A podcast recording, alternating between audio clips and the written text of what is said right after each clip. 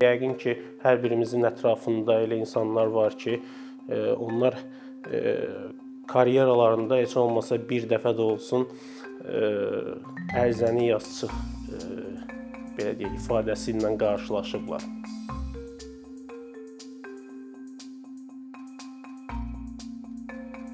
Əmək məcəlləsində əmək müqaviləsinə xitam verilməsinin bir neçə halı nəzərdə tutulmuşdu. Yəni bir neçə əsasla əmək müqaviləsinə xitam verilir və bunlardan ən çox tətbiq olunan da e, işçilər tərəfindən ərizə yazılaraq əmək müqaviləsinə xitam verilməsi halıdır.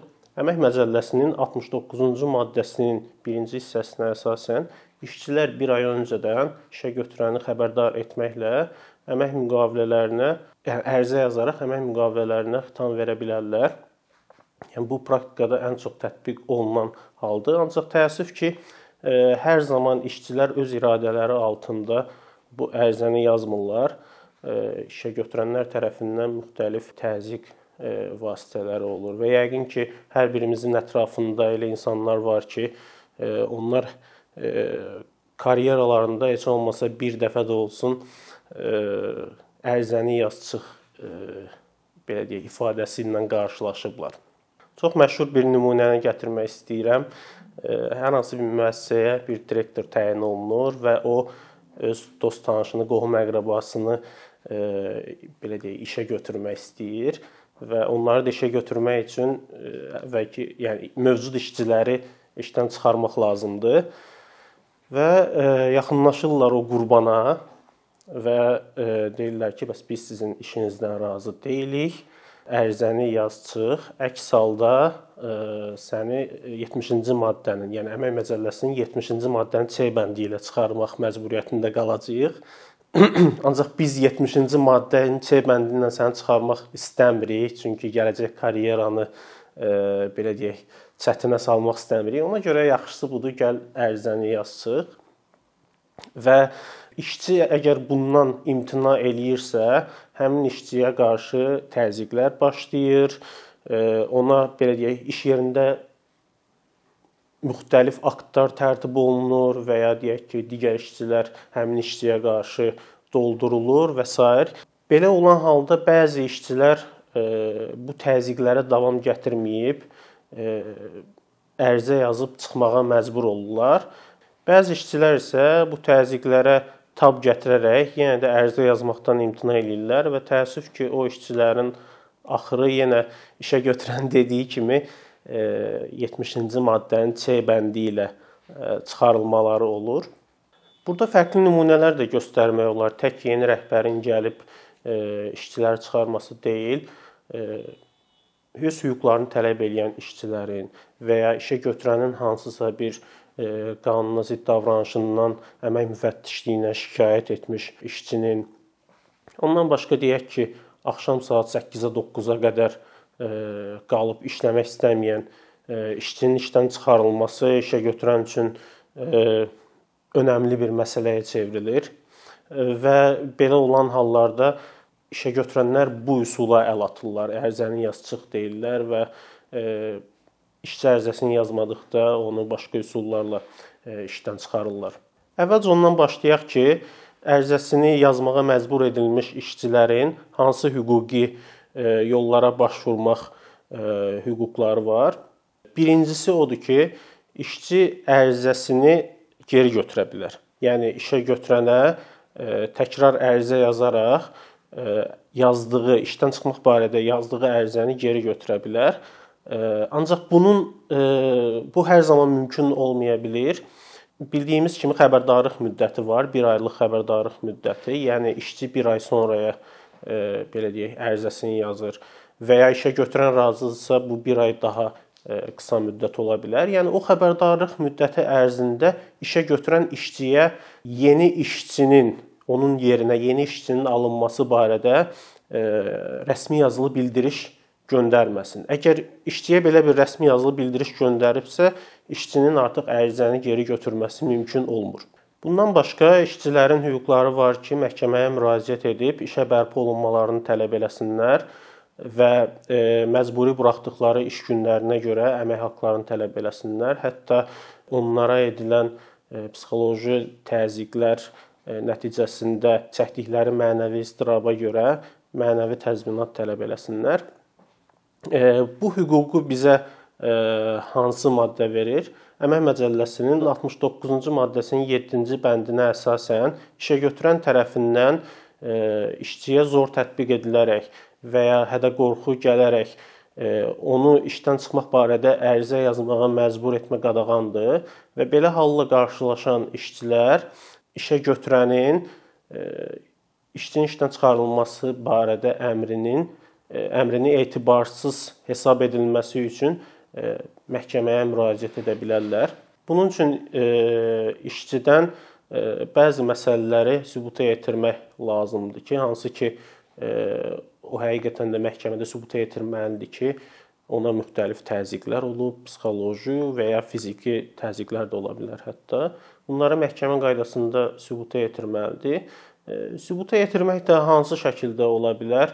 Məsələn, belə bir faktı iş yoldaşları görübsə, onlar gəlib məhkəmədə şahid kimi ifadə verə bilərlər və ya işə götürən tərəfindən işçiyə bu mövzuda, yəni ərizə yazması mövzusunda müxtəlif meyllər yazıla bilər, WhatsApp-da səs atıla bilər və ya digər platformalardan istifadə edilərək ərizə yazmasına məcbur edilmə halı ola bilər.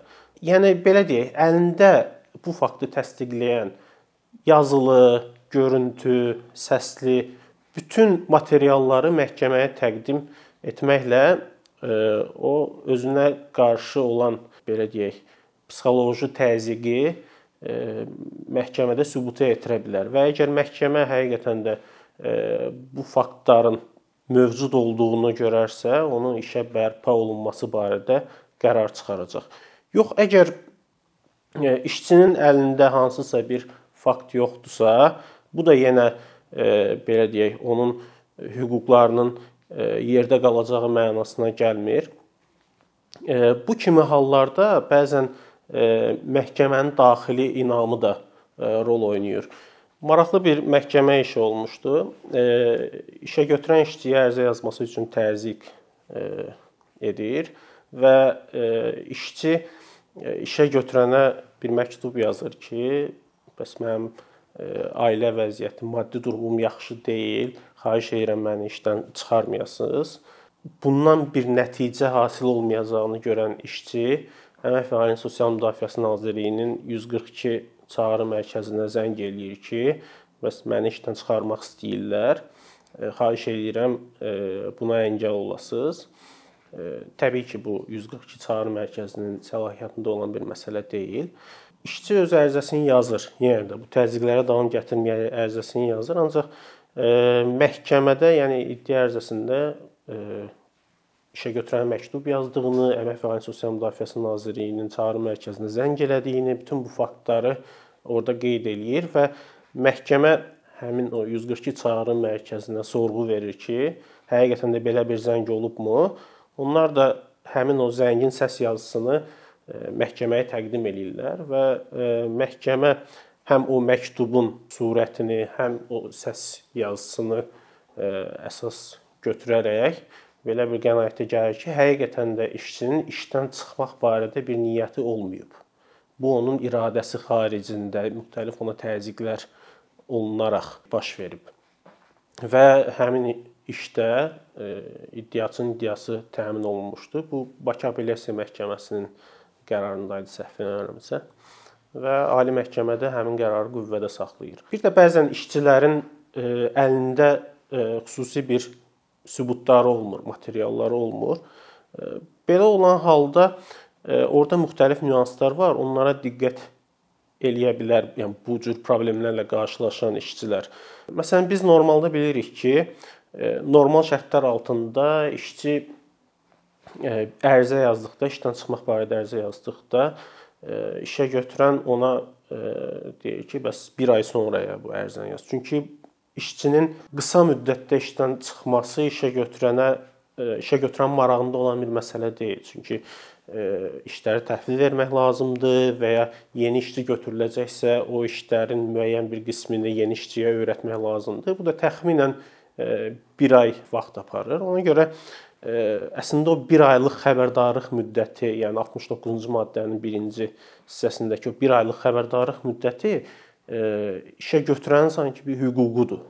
Yəni xüsusi hallar olmadan əmək məcəlləsində var. Məsələn, işçi yeni bir yaşayış yerinə köçdükdə və ya başqa bir müəssisə ilə, başqa bir işə götürənlə əmək müqaviləsi bağladıqda və ya təhsilini davam etdirmək üçün təhsil müəssisəsinə daxil olduqda onun ərizədə yazdığı gün işdən çıxa bilər.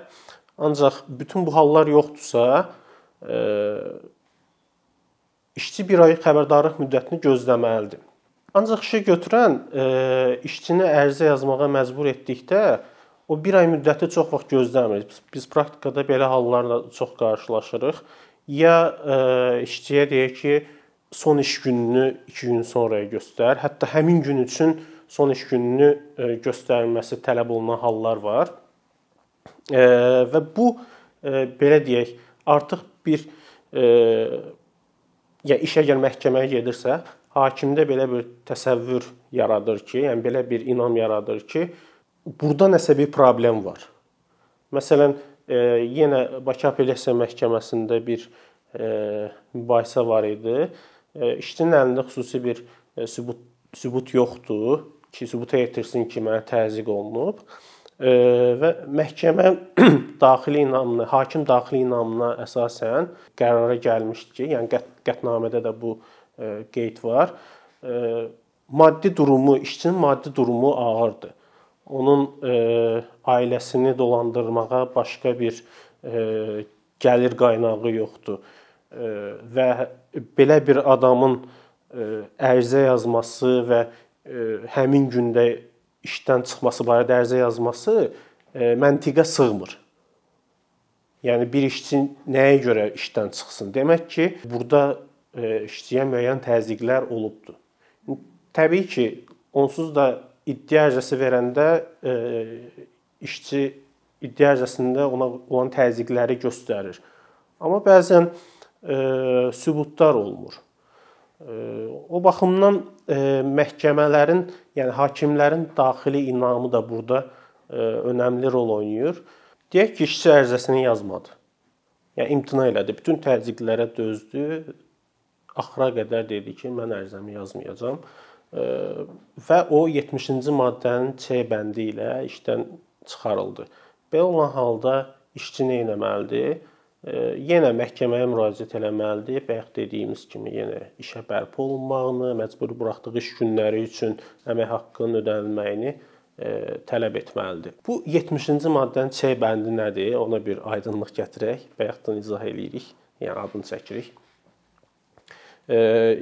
70-ci maddənin C bəndinə görə işçi əmək funksiyasını və əmək müqaviləsi üzrə öhdəliklərini yerinə yetirmirsə və ya Əmək Məcəlləsinin 72-ci maddəsində qeyd olunan əmək vəzifələrini pozursa, e, işə götürən əmək müqaviləsinə xitam verə bilər.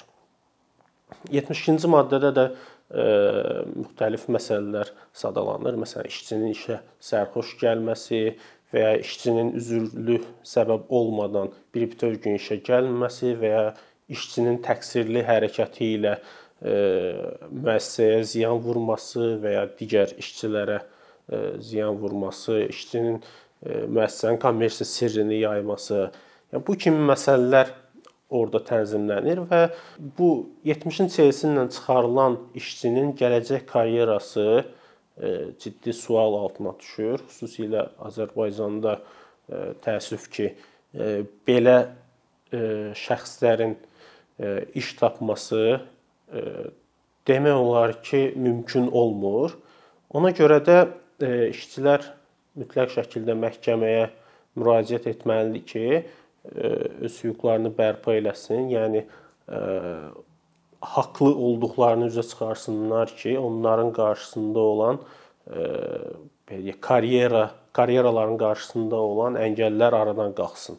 İşə götürən ərizəsini yazmayan işçini 70-ci maddənin C bəndi ilə işdən çıxararkən təbii olaraq çətinliklərlə qarşılaşır. Çünki faktiki olaraq işçinin nöqsanı yoxdur və bir şəkildə əmrdə bunu əsaslandırmaq lazımdır. Yəni əmək məcəlləsinə görə də 70-ci maddə ilə ümumiyyətlə əmək müqaviləsinə xitam verilərsə, əmrdə mütləq şəkildə xitamın zəruriliyi əsaslandırılmalıdır. Belə olan halda işə götürənlər müxtəlif absurd əsaslandırmalara üz tuturlar. Yəni praktikada da çox qarşılaşdığımız məsələlər var. Məsələn, bir gün işə gecikdi və ya deyək ki, yalandan davamlı olaraq işə gecikir və ya deyək ki, işdə telefonla çox oynayır və ya rəhbərlə mübahisə eləyir. Hətta bir məsələ olmuşdu, işçi burada işləməyinə rəğmən yeni bir şirkət təsis eləyib. Yəni belə absurd belə deyək, əsaslandırmalara üz tuturlar. Təbii ki, bunların heç bir hüquqi əsası yoxdur və işçi 70-ci maddənin C bəndi ilə yalnız həmin maddədə qeyd olunan pozuntular səbəbi ilə işdən çıxarıla bilər. Lap hətta işçi həmin pozuntuları etmiş olsa belə işə götürən məhkəmə qaydasında sübuta yetirməlidir ki, işçinin bu pozuntusu nəticəsində işin ahəngi pozulub, işə götürənin və ya digər işçilərin qanuni mənafelərinə zərər dəyib. Yəni bunları da sübuta yetirmək çətin məsələdir. Çünki dediyim kimi, yəni faktiki olaraq işçinin ərizə yazmamasının cəza mexanizmi olaraq o 70-ci maddənin C bəndi ilə çıxarılır. Son olaraq qeyd etmək istəyirəm ki, işçilərin hüquqlarının müdafiəsində ən böyük əngəllərdən biri də iddia müddətidir. 1 aylıq iddia müddəti var. Yəni işçi işdən çıxarıldığı gündən 1 ay ərzində məhkəməyə müraciət eləyə bilər. Bu 1 ay müddət keçdisə artıq onun hüquqlarını bərpa etməsi mümkün deyil. Bu baxımdan çox yaxşı olardı ki, bu 1 aylıq müddət 3 aya qədər heç olmasa qaldırılsın. İşçilərə də tövsiyə eləyərdim ki, əgər belə hallarla qarşılaşırlarsa və qanunsuz olaraq işdən çıxarılırlarsa, mütləq şəkildə 1 ay ərzində məhkəməyə müraciət etsinlər. Thank